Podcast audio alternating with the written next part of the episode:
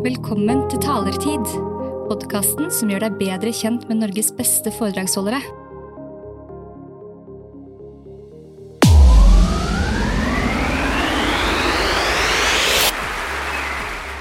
Wow. Ida Holo, du er psykologspesialist, og jeg vet at du til daglig jobber med mennesker som har frykt og angst og ting de er redd for. Er det mye angst i det norske samfunnet i dag? Forskning viser at eh, mellom 20 og 25% av den norske befolkning vil i løpet av livet sitt oppfylle kriteriene for en angstlidelse.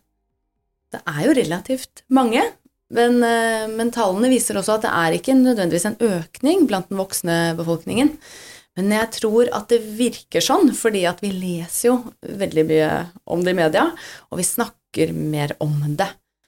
Eh, Så det er noe enhver vil treffe på i løpet av livet sitt, og veldig mange kjenner jo daglig frykt uten at de nødvendigvis har angst. Men hva er egentlig angst, for det høres jo veldig skummelt ut. Mhm.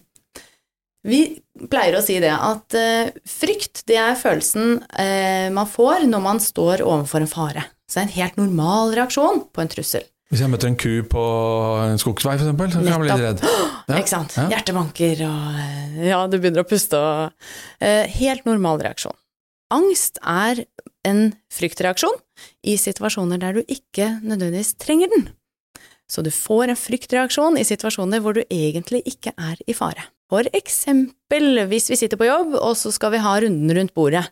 Nå skal alle presentere en eh, spennende idé. Eh, Da er det jo veldig vanlig å kjenne på frykt. Men det er jo ikke sånn at man egentlig er i fare. Du holder jo ikke på å dø inne i det rommet, men det kan jo kjennes sånn ut. Og Jeg så en dokumentar for noen år siden om en kvinne som var redd for å gå i butikken. Hun Ja. hadde sånn sosial angst. Mm. Og det er jo ikke noe farlig i butikken, i hvert fall de fleste butikker. Er ikke det? Så er det et eksempel på angst? Typisk eh, sosial angst. Ja. Eh, og det som er interessant, er at alle mennesker og alle dyr har et fryktsenter i hjernen sin. Og det fryktsenteret, det har ikke intelligens. Sånn at vi kan bli redd for de hva skal vi si, rareste ting, eller de vanligste ting, men det skjønner ikke fryktsenteret vårt nødvendigvis at det ikke er faktisk farlig.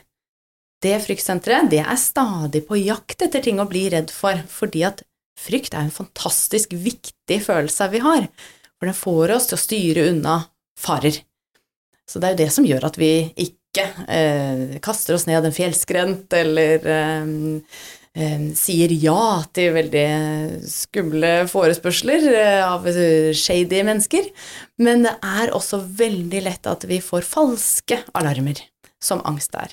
Ah. Fordi at fryktsenteret vårt hele tiden skal være på jakt etter å gjøre oss i beredskap mot fare. Er det den såkalte reptilhjernen, eller den der Steindal-hjernen vår? Um, Så derfor kan vi ikke bestemme hva vi skal være redde for. Og selv om jeg f.eks. ser en edderkopp, og jeg vet at den ikke kommer til å drepe meg, så skaper den allikevel en reaksjon inni meg. Så det å vite at noe ikke er farlig fornuftsmessig, det holder ikke. For å ikke, vi kan ikke skru av frykt bare med fornuften vår. Men hvorfor er det sånn da noen er redd for mus, og andre er ikke redd for det hele tatt? For eksempel eller edderkopper eller slanger? Det er litt genetikk. Eh, Noen er litt mer eh, Hva skal vi si At vi får lettere fryktrespons enn andre. Og så er fryktsenteret vårt også veldig assosiasjonsbasert. Så hvis jeg har eh, en assosiasjon om at en mus kan eh, Jeg har sett en mus før som beit meg, eller noe sånt, så henger mitt fryktsenter seg opp i at det her kan være skumle greier. Men hos deg så har du ikke noen sånne erfaringer. Og noen ganger så trenger vi heller ikke vonde erfaringer med det vi begynner å bli redd for en gang, men bare tanken gjør oss redde. Og det kan være fordi at en gang så så jeg et sånt bilde, og så fikk jeg litt sånn ekkel følelse i kroppen, og så er det nok. Fordi at igjen, dette fryktsenteret vårt, det er på jakt etter å finne ting å være litt redd for. Jeg hører folk ofte bruke uttrykket 'kroppen lærer'. For eksempel, jeg snakket med en voksen person forleden som hadde blitt bitt av en hund da hun var liten. Og hun øvde nå på å bli mindre redd for hund, for hun var opptatt av at datteren hennes ikke skulle bli påført den frykten hun hadde for hunder. Så det kan komme av fysiske opplevelser vi har hatt som vi, tar med oss nærmest i, i tankene våre, eller dypt inn i tankene våre. Ja, det er dette fryktsenteret igjen som husker på en måte at åh, det var en assosiasjon, ikke sant, en hund, åh, da kan hunder bli farlige.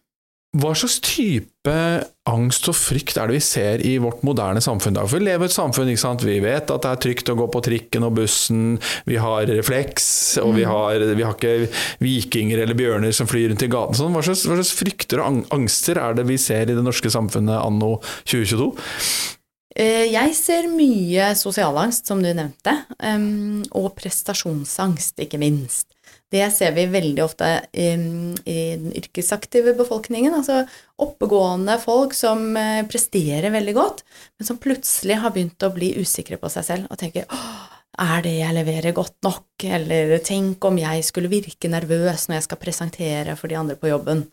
Vi ser mye sosialangst og prestasjon. Men du sier plutselig, er dette sånn som inntreffer øh, over natten, eller skjer det gradvis, eller hvor, hvor kommer liksom disse fryktene fra, da?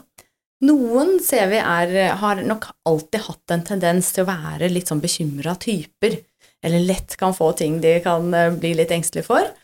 Andre kan oppleve at de har levd helt eh, normale liv og ikke hatt så mye frykt i livet sitt, og så plutselig en dag så får de det vi kaller et panikkanfall, hvor kroppen plutselig reagerer kjempesterkt og får et sånn veldig fryktrespons, og for mange er det litt ut av det blå.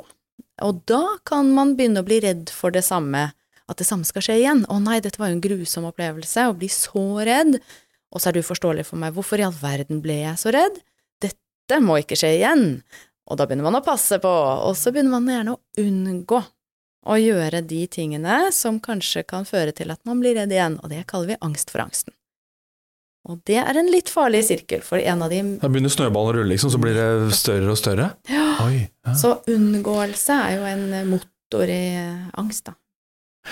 Jeg hørte deg holde foredrag, og jeg mener å huske selv at du hadde litt angst selv da du var liten? At du ikke var så tøff som du ser ut til å bore her nå? Kan ja. du fortelle om det? Eller stemmer det? Ja, ja, det stemmer. Eh, nå står jeg jo på scenen og snakker foran mange hundre mennesker og syns det er bare gøy.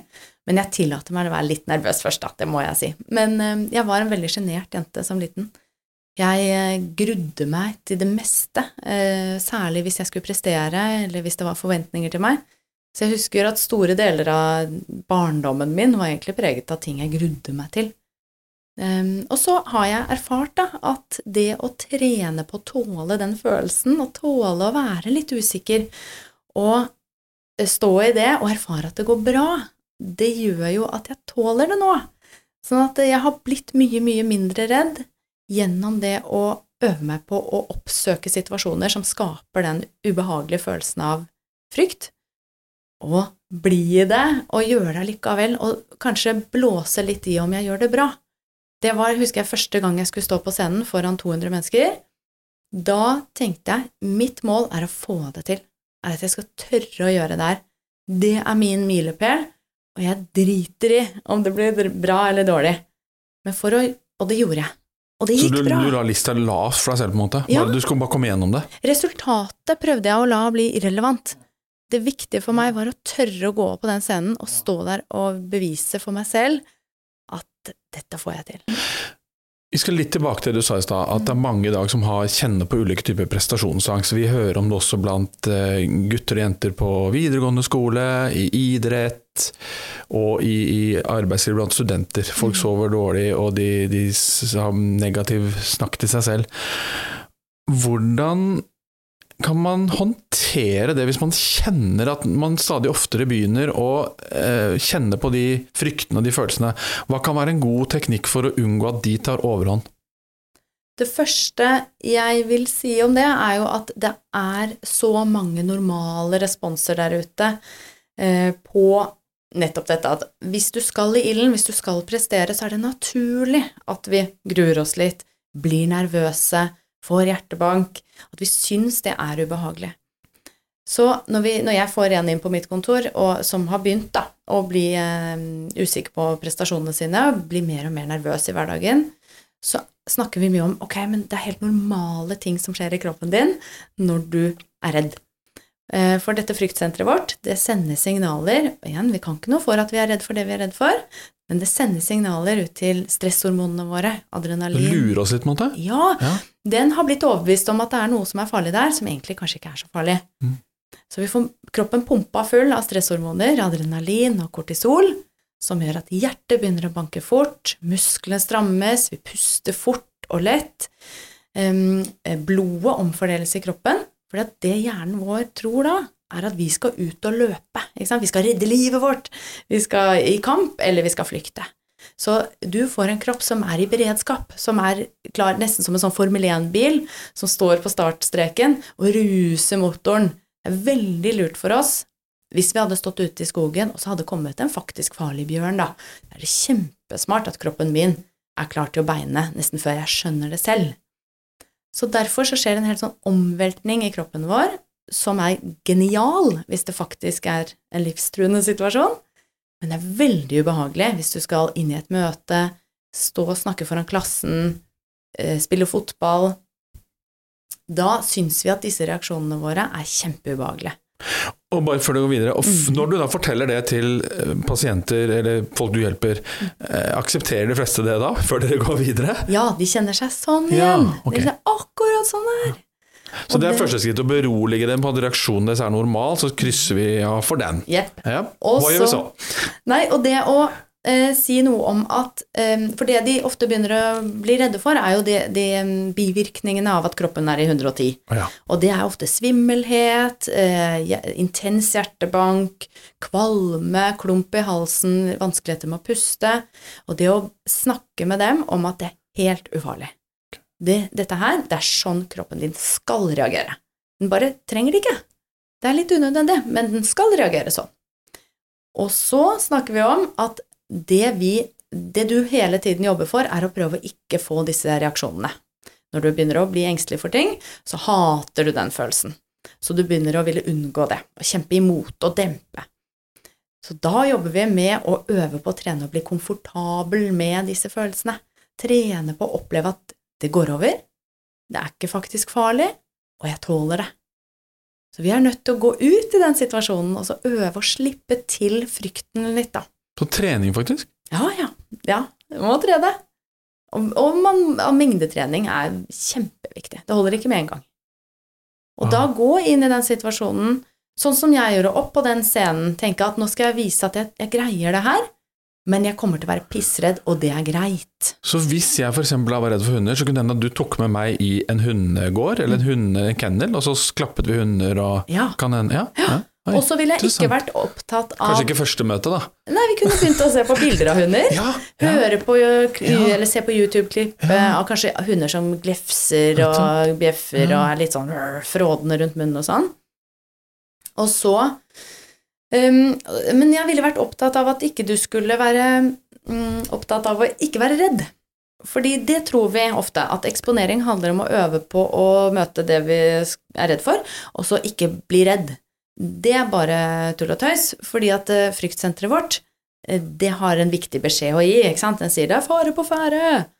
Og så gjør vi det motsatte. Vi sier 'nei, men jeg skjønner at du varsler, takk for det', men det er ikke faktisk farlig, men du får bare varsle i vei.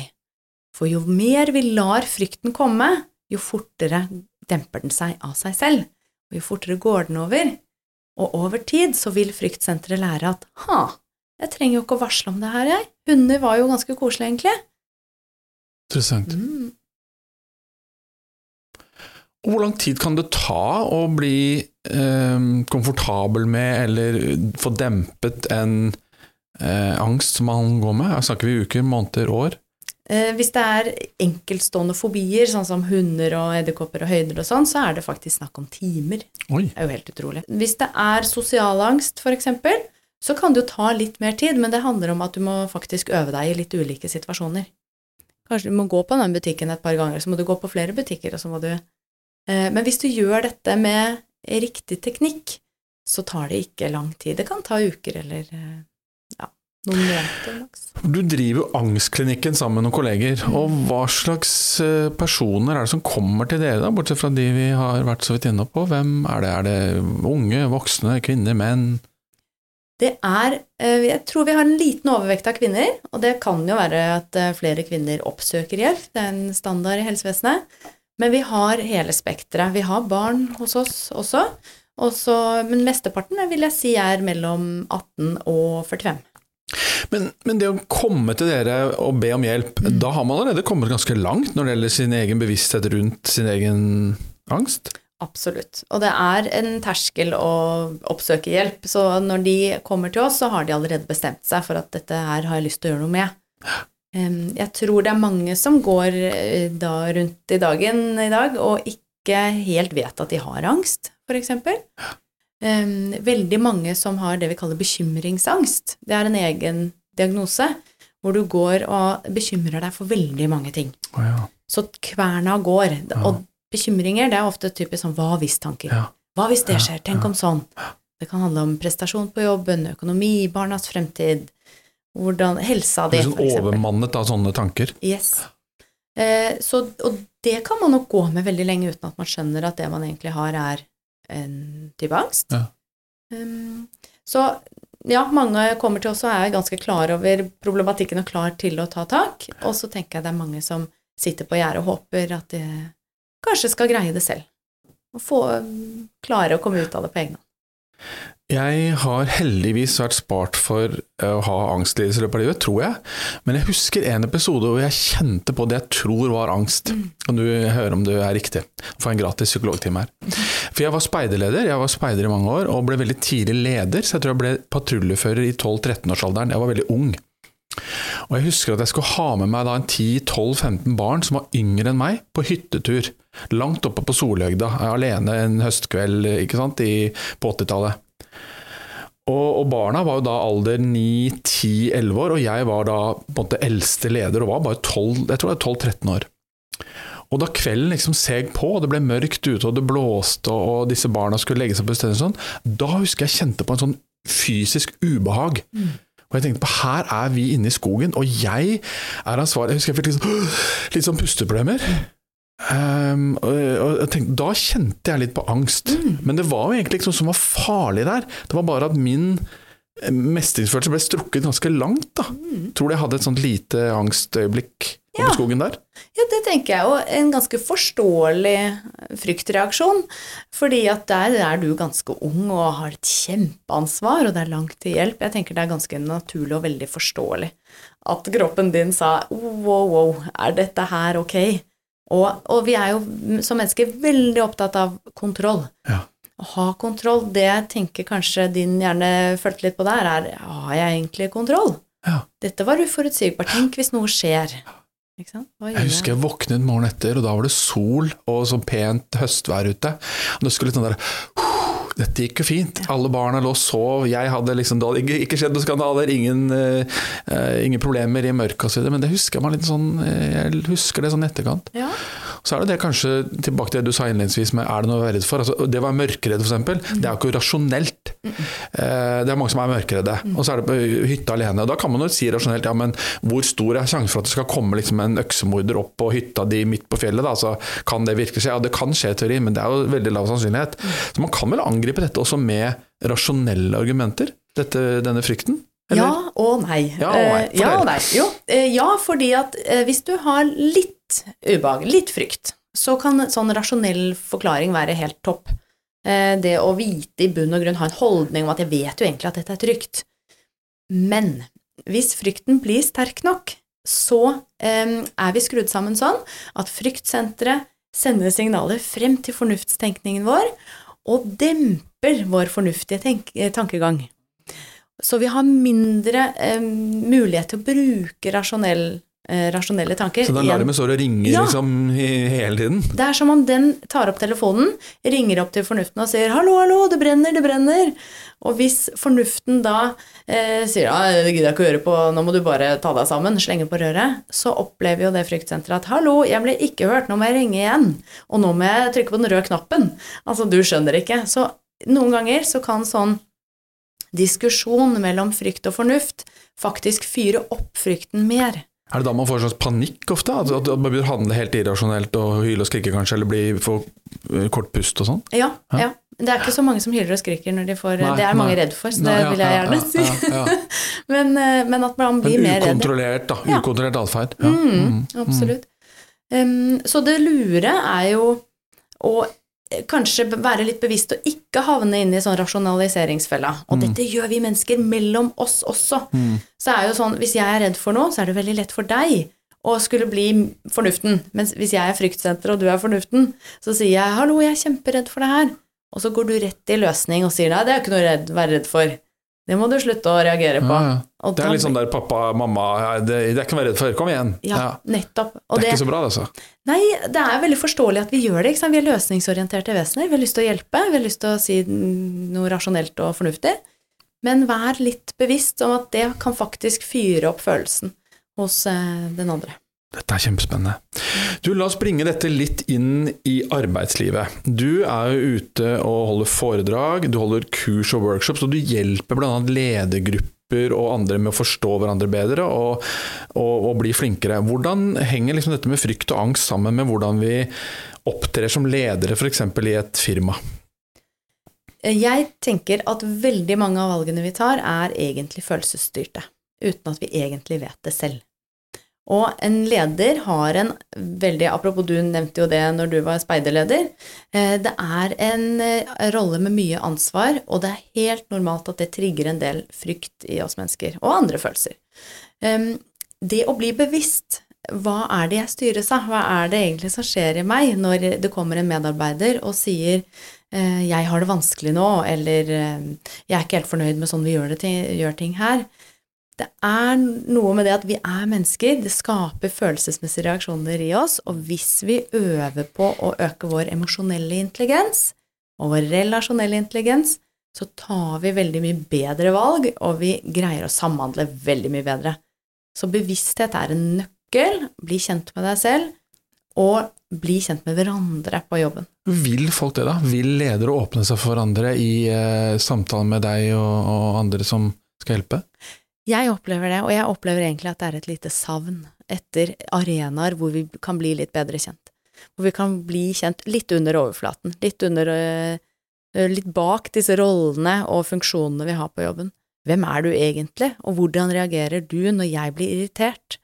Og det å kjenne hverandre bedre gjør at vi tolker hverandre mindre. Betyr det at psykologien har fått for liten plass i si, både på universitet, BI, den type ting, eller i ledersammenheng? Jeg tror det er en, ja, jeg tror det er en kjempegod investering i eh, det å ha eh, fornøyde medarbeidere, trygge ledere, det å, å øve på å kjenne etter hva er det som skjer i meg, og vite at det, det er ikke farlig Mm. å være litt åpen og transparent om hva Mm. det er som skjer inni oss.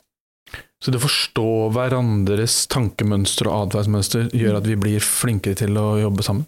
Ja, for det fjerner innmari mye sånn relasjonell støy. Ja.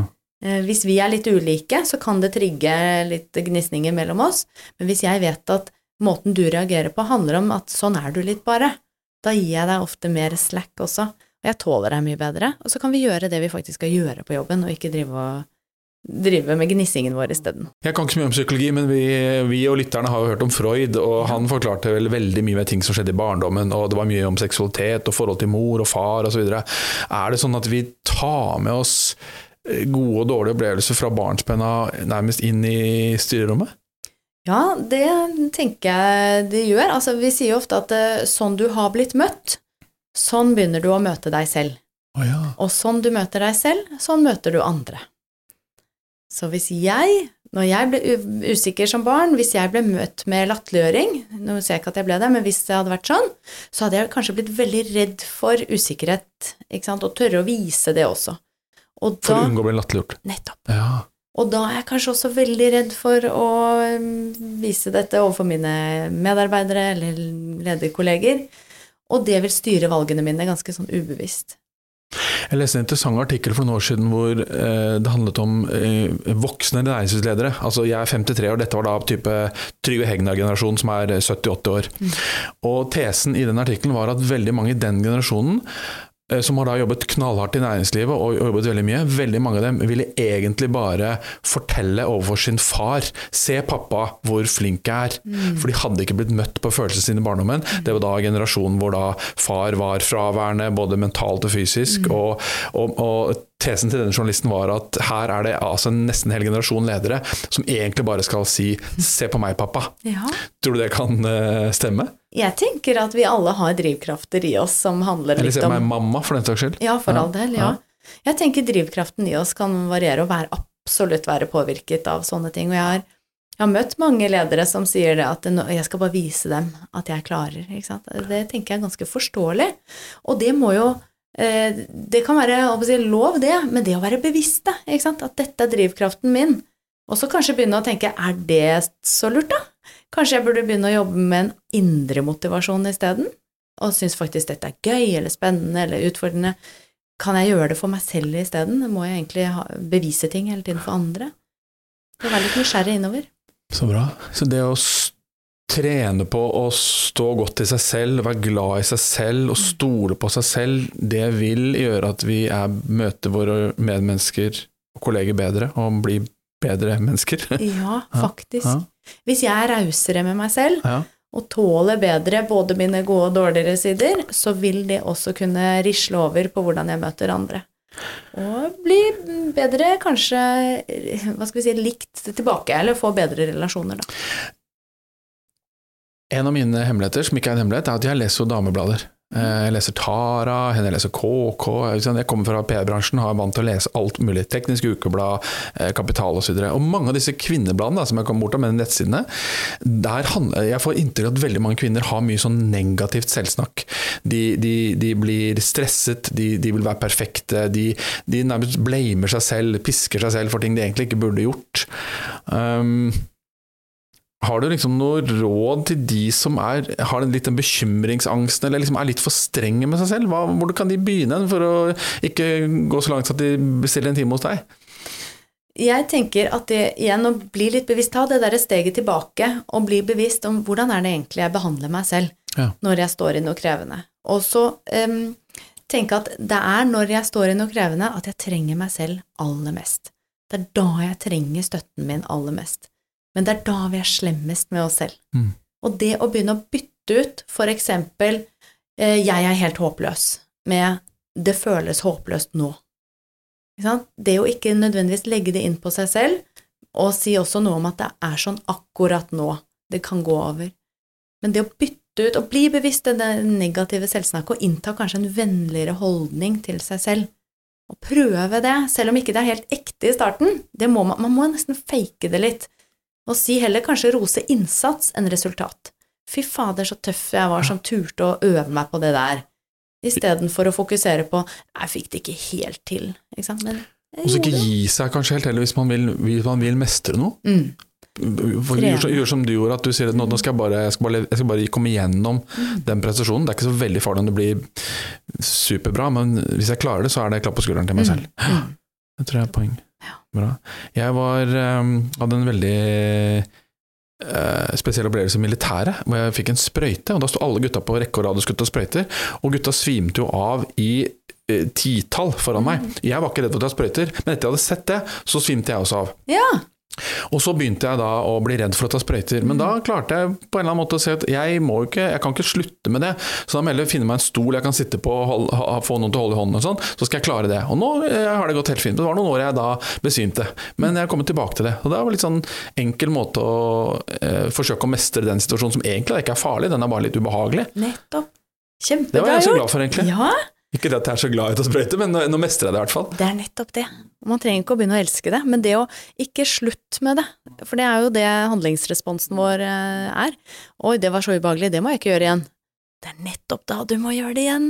Helt til slutt, hvis noen som hører på nå, har en kollega for eksempel, eh, på jobben, eller en venninne eller en venn, som man kanskje tror har litt bekymringsangst, eller, eller sliter litt med disse frykttankene.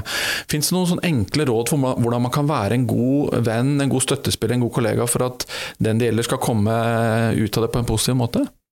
Vis at du bryr deg. Bare vær der.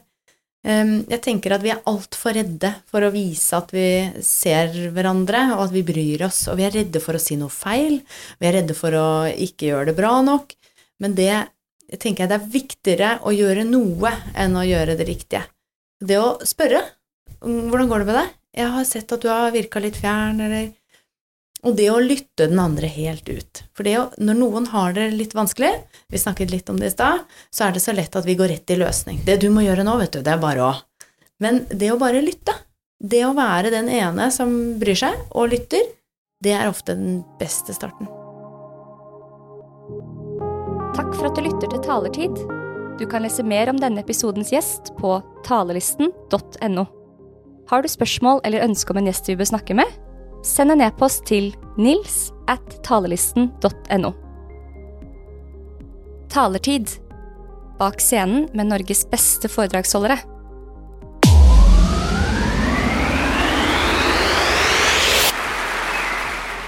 Wow.